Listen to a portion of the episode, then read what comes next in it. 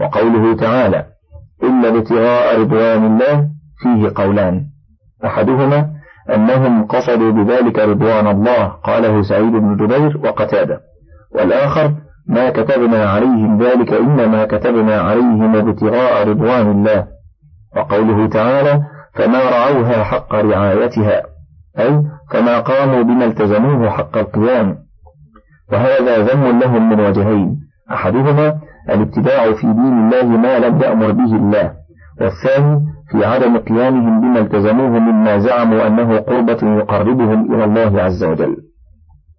وقد قال ابن أبي حاتم حدثنا إسحاق بن أبي حمزة أبو يعقوب الرازي حدثنا السربي بن عبد ربه حدثنا بكير بن معروف عن مقاتل بن حيان عن القاسم ابن عبد الرحمن بن عبد الله بن مسعود عن أبيه عن جده بن مسعود قال قال لي رسول الله صلى الله عليه وسلم يا ابن مسعود قلت لبيك يا رسول الله. قال هل علمت أن بني إسرائيل افترقوا على ثنتين وسبعين فرقة؟ لم ينج منها إلا ثلاث فرق. قامت بين الملوك والجبابرة بعد عيسى بن مريم عليه السلام.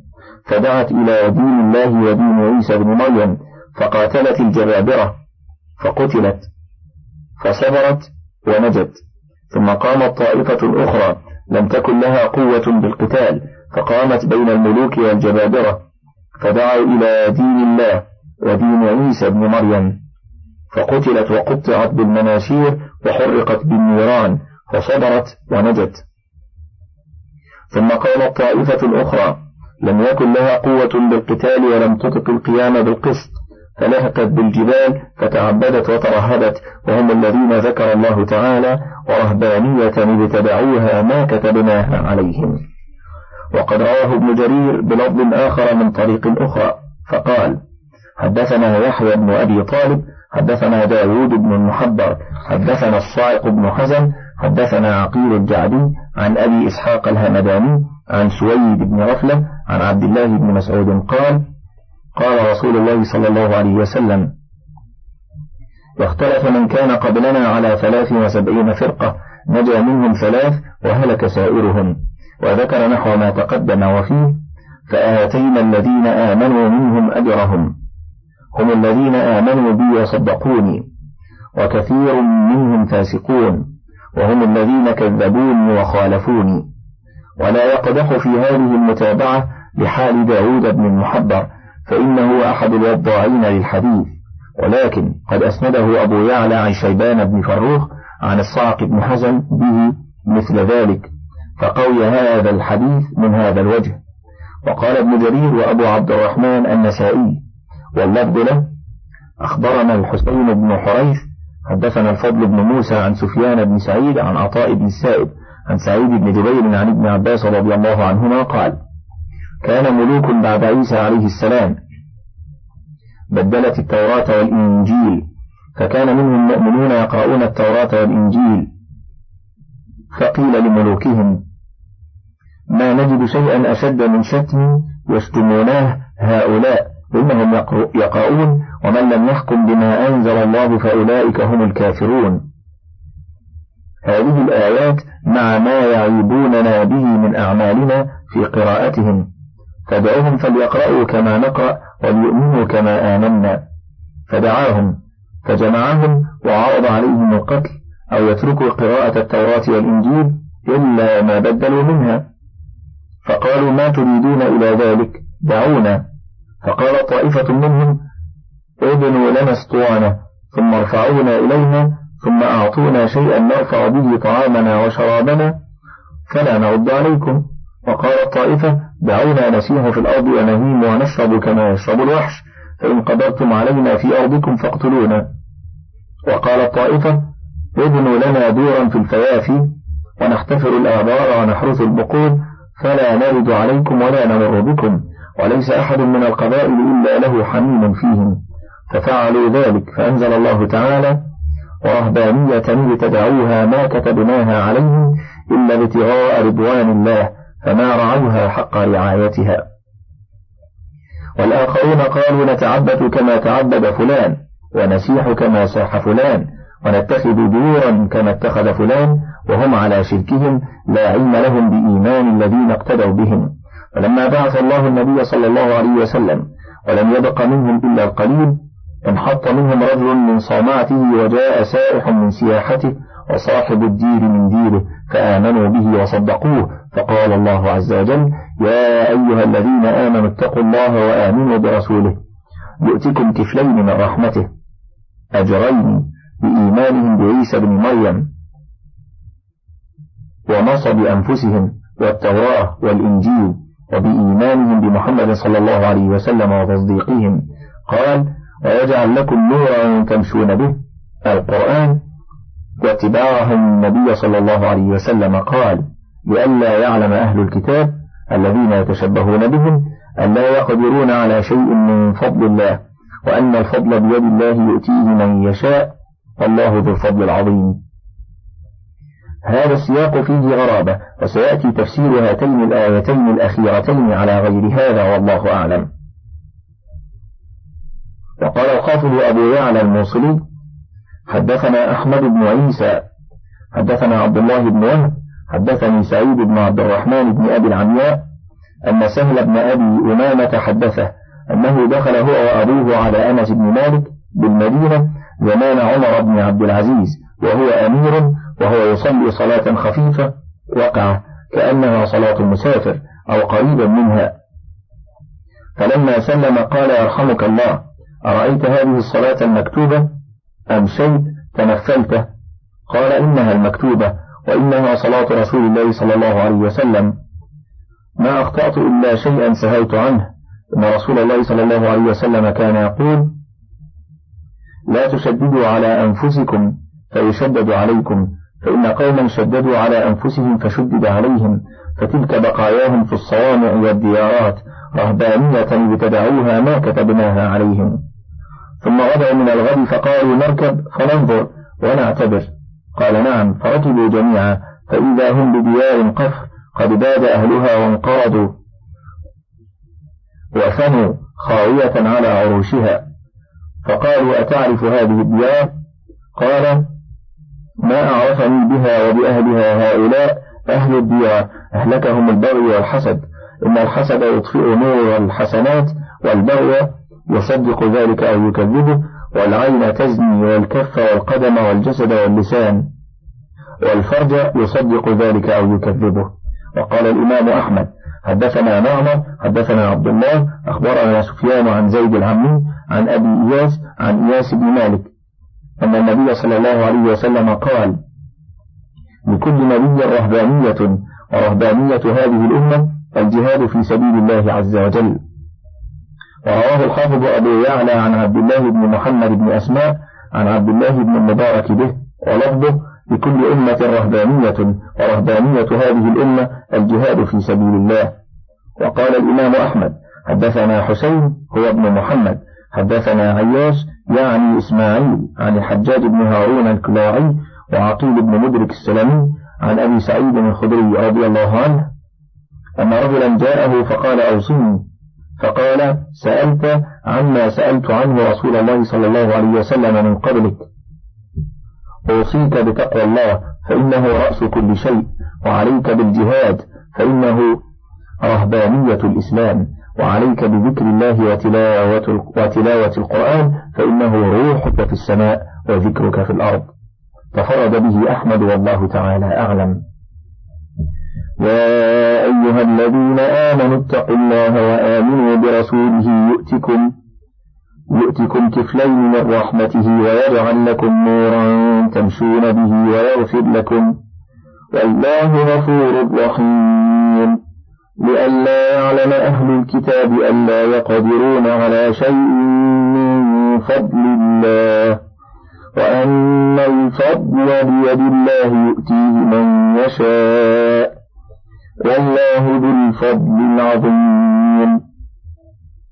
قد تقدم في رواية النسائي عن ابن عباس أنه حمل هذه الآية على مؤمن أهل الكتاب وأنهم يؤتون أجرهم مرتين كما في الآية التي في القصص وكما في حديث الشعبي عن أبي بردة عن أبي موسى الأشعري قال قال رسول الله صلى الله عليه وسلم ثلاثة يؤتون أجرهم مرتين. رجل من أهل الكتاب آمن بنبيه وآمن بي فله أجران. وعبد مملوك أدى حق الله وحق مواليه فله أجران. ورجل أدب أمته فأحسن تأديبها ثم أعتقها وتزوجها فله أجران. أخرجه في الصحيحين. ووافق ابن عباس على هذا التفسير الضحاك وعتبة بن أبي حكيم وغيرهما وهو اختيار ابن جرير. وقال سعيد بن جبير لما افتخر أهل الكتاب بأنهم يؤتون أجرهم مرتين أنزل الله تعالى عليه هذه الآية في حق هذه الأمة. يا أيها الذين آمنوا اتقوا الله وآمنوا برسوله يؤتكم كفلين أي ضعفين من رحمته. وزادهم ويجعل لكم نورا تمشون به يعني هدى يتبصر به من العمى والجهالة ويغفر لكم. ففضلهم بالنور والمغفرة رواه ابن جرير عنه. وهذه الآية كقوله تعالى يا أيها الذين آمنوا إن تتقوا الله يجعل لكم فرقانا ويكفر عنكم سيئاتكم ويغفر لكم والله ذو الفضل العظيم. وقال سعيد بن عبد العزيز سأل عمر بن الخطاب حضرا من أحبار يهود أفضل ما ضاعف لكم حسنة. قال كفل ثلاثمائة وخمسين حسنة. قال فحمد الله عمر على أنه أعطانا كفلين. ثم ذكر سعيد قول الله عز وجل يؤتكم كفلين من رحمته. قال سعيد والكفلان في الجمعة مثل ذلك. رواه ابن جرير.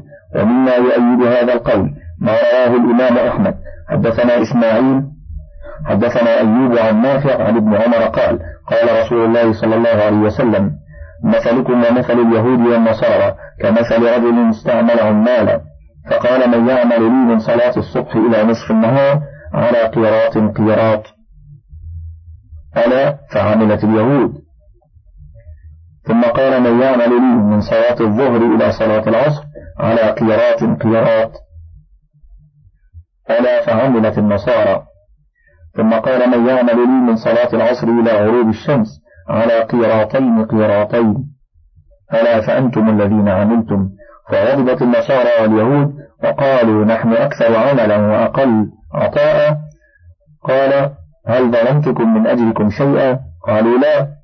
قال فإنما هو فضلي أوتيه من أشاء.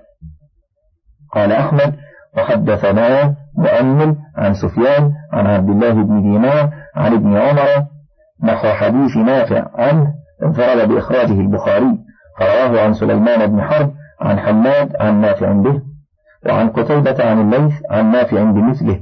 وقال البخاري حدثني محمد بن العلاء حدثنا أبو أسامة عن يزيد عن أبي بردة عن أبي موسى عن النبي صلى الله عليه وسلم قال مثل المؤمنين واليهود والنصارى كمثل رجل استعمل قوما يعملون له عمل يوما إلى الليل على أجر معلوم. فعملوا إلى نصف النهار فقالوا لا حاجة لنا في أجرك الذي شرطت لنا وما عملنا باطل. فقال لهم لا تفعلوا أكملوا بقية عملكم فخذوا أجركم كاملا. فأبوا وتركوا واستأجر آخرين بعدهم. فقال أكملوا بقية يومكم ولكم الذي شرطت لهم من الأجر. فعملوا حتى إذا كان حين صلى العصر قالوا ما عملنا باطل ولك الأجر الذي جعلت لنا فيه.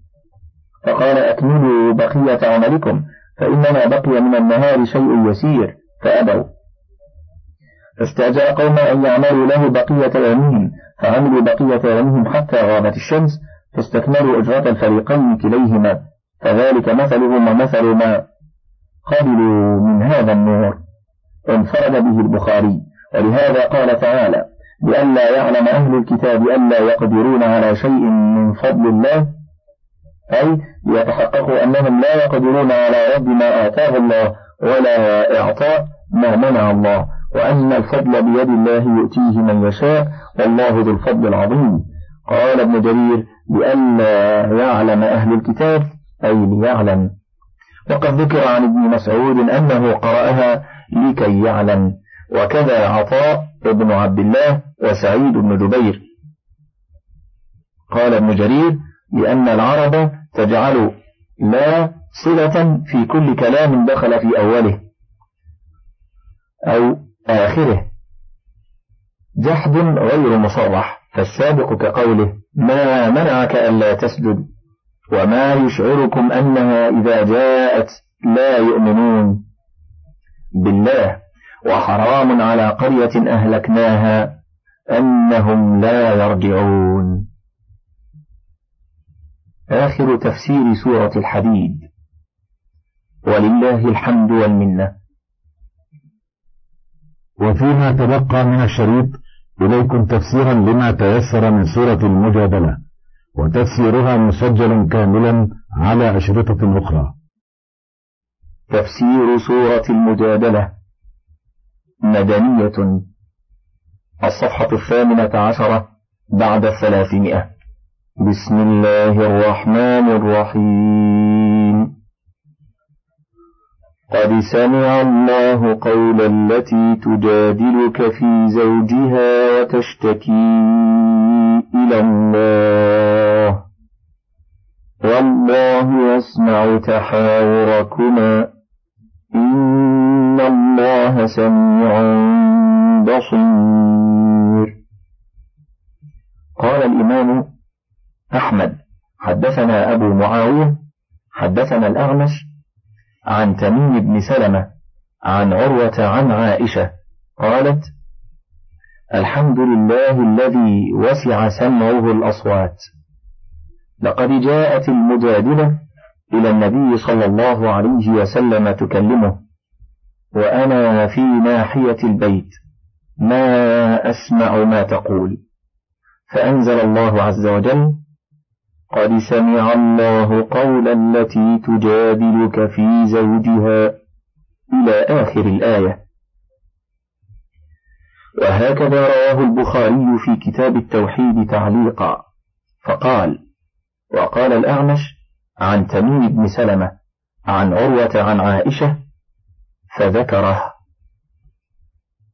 وأخرجه النسائي وابن ماجة وابن أبي حاتم وابن جرير من غير وجه عن الأعمش به. وفي رواية لابن أبي حاتم عن الأعمش عن تميم بن سلمة عن عروة عن عائشة أنها قالت تبارك الذي أوعى سمعه كل شيء. إني لأسمع كلام خولة بنت ثعلبة ويخفى علي بعضه. وهي تشتكي زوجها إلى رسول الله صلى الله عليه وسلم. وهي تقول يا رسول الله أكل مالي وأفنى شبابي ونفرت له بطني حتى إذا كبرت سني وانقطع ولدي ظاهر مني. اللهم إني أشكو إليك. قالت فما برحت؟ حتى نزل جبريل بهذه الآية. قد سمع الله قول التي تجادلك في زوجها. قال وزوجها أوس بن الصامت. وقال ابن لهيعة عن أبي الأسود عن عروة عن أوس بن الصامت وكان أوس امرأ به لمم فكان إذا أخذه لممه واشتد به يظاهر من امرأته وإذا ذهب لم يقل شيئا. فأتت رسول الله صلى الله عليه وسلم تستفتيه في ذلك وتشتكي إلى الله فأنزل الله قد سمع الله قول التي تجادلك في زوجها وتشتكي إلى الله. الآية. وهكذا روى هشام بن عروة عن أبيه. أن رجلا كان به لمم فذكر مثله. وقال ابن أبي حاتم حدثنا أبي حدثنا موسى بن إسماعيل أبو سلمة. حدثنا جرير يعني ابن حازم. قال سمعت أبا يزيد يحدث.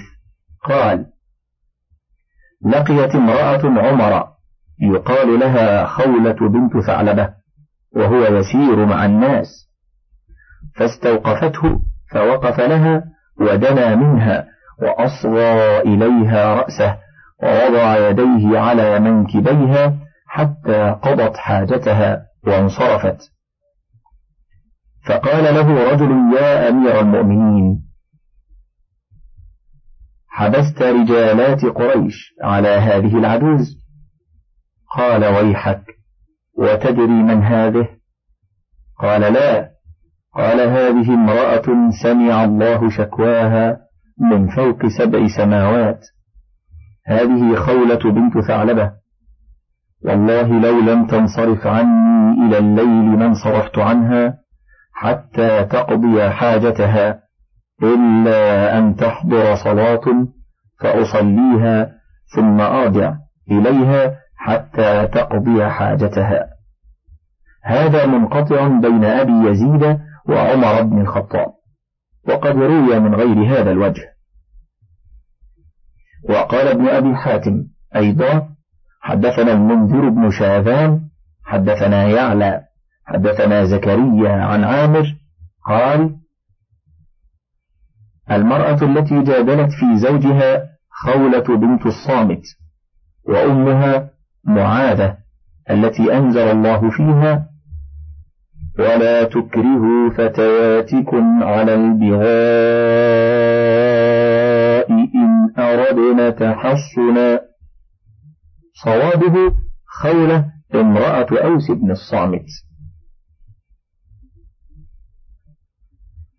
الذين يظاهرون منكم من نسائهم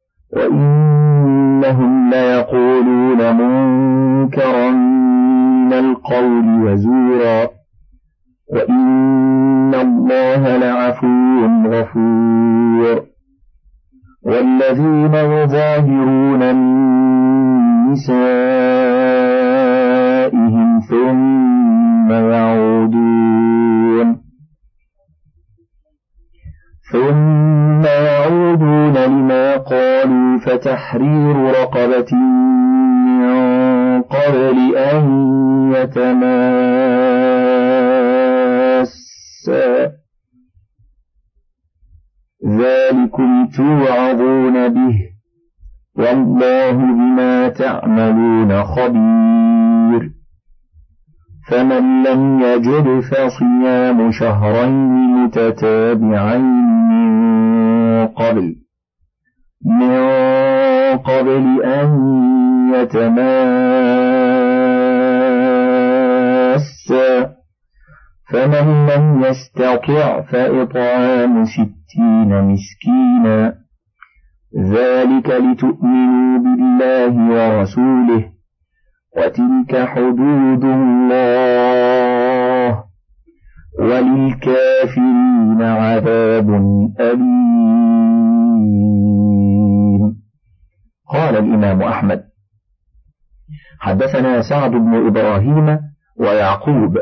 قال حدثنا أبي حدثنا محمد بن إسحاق حدثني معمر بن عبد الله بن حنظلة عن يوسف بن عبد الله بن سلام عن خويلة بنت ثعلبة. قالت في والله وفي أوس بن الصامت أنزل الله صدر سورة المجادلة. قالت كنت عنده وكان شيخا كبيرا قد ساء خلقه. قالت فدخل علي يوما فراجعته بشيء فغضب. فقال أنت علي كظهر أمي. قالت ثم خرج فجلس في نادي قومه ساعة. ثم دخل علي فإذا هو يريدني عن نفسي. قالت قلت كلا والذي نفس خويلة بيده لا تخلص إلي وقد قلت ما قلت. حتى يحكم الله ورسوله فينا بحكمه. قالت فوافدني فامتنعت منه. فغلبته بما تغلب به المرأة الشيخ الضعيف. فألقيته عني. قالت ثم خرجت إلى بعض جاراتي فاستعرت منها ثيابا. ثم خرجت حتى جئت إلى رسول الله صلى الله عليه وسلم. حتى جئت إلى رسول الله صلى الله عليه وسلم فجلست بين يديه فذكرت له ما لقيت منه وجعلت أشكو إليه ما ألقى من سوء خلقه.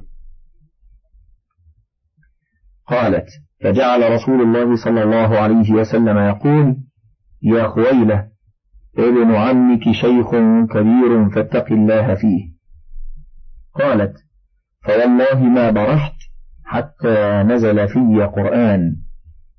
فتغشى رسول الله صلى الله عليه وسلم ما كان يتغشاه ثم سري عنه فقال لي يا خويلة قد أنزل الله فيك وفي صاحبك قرآنا ثم قرأ علي قد سمع الله قول التي تجادلك في زوجها وتشتكي إلى الله والله يسمع تحاوركما إن الله سميع بصير إلى قوله تعالى وللكافرين عذاب أليم قالت فقال لي رسول الله صلى الله عليه وسلم مريه فليعتق رقبة. قالت فقلت يا رسول الله ما عنده ما يعتق. قال فليصم شهرين متتابعين. قالت فقلت والله إنه لشيخ كبير ما به من صيام. قال فليطعم ستين مسكينا وسقا من تمر. قالت فقلت والله يا رسول الله ما ذاك عنده؟ قالت فقال رسول الله صلى الله عليه وسلم فإنا سنعينه بفرق من تمر.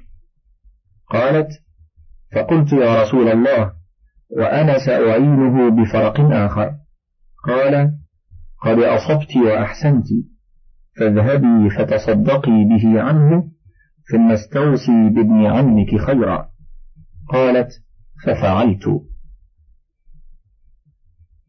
ورواه أبو داود في كتاب الطلاق من سننه من طريقين عن محمد بن إسحاق بن يسار به وعنده خولة بنت ثعلبة ويقال لها خولة بنت مالك ابن ثعلبة.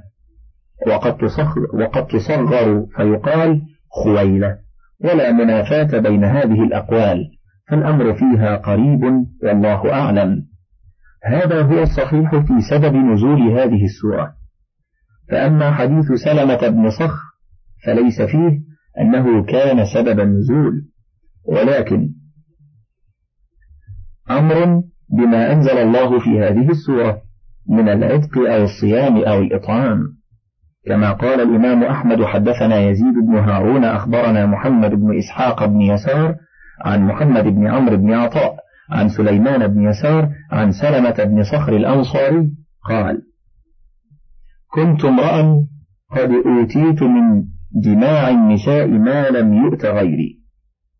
فلما دخل رمضان تظهرت من امرأتي حتى ينسلخ رمضان فرقا من أن أصيب في ليلتي شيئا فأتتابع في ذلك إلى أن يدركني النهار. وأنا لا أقدر أن أنزع.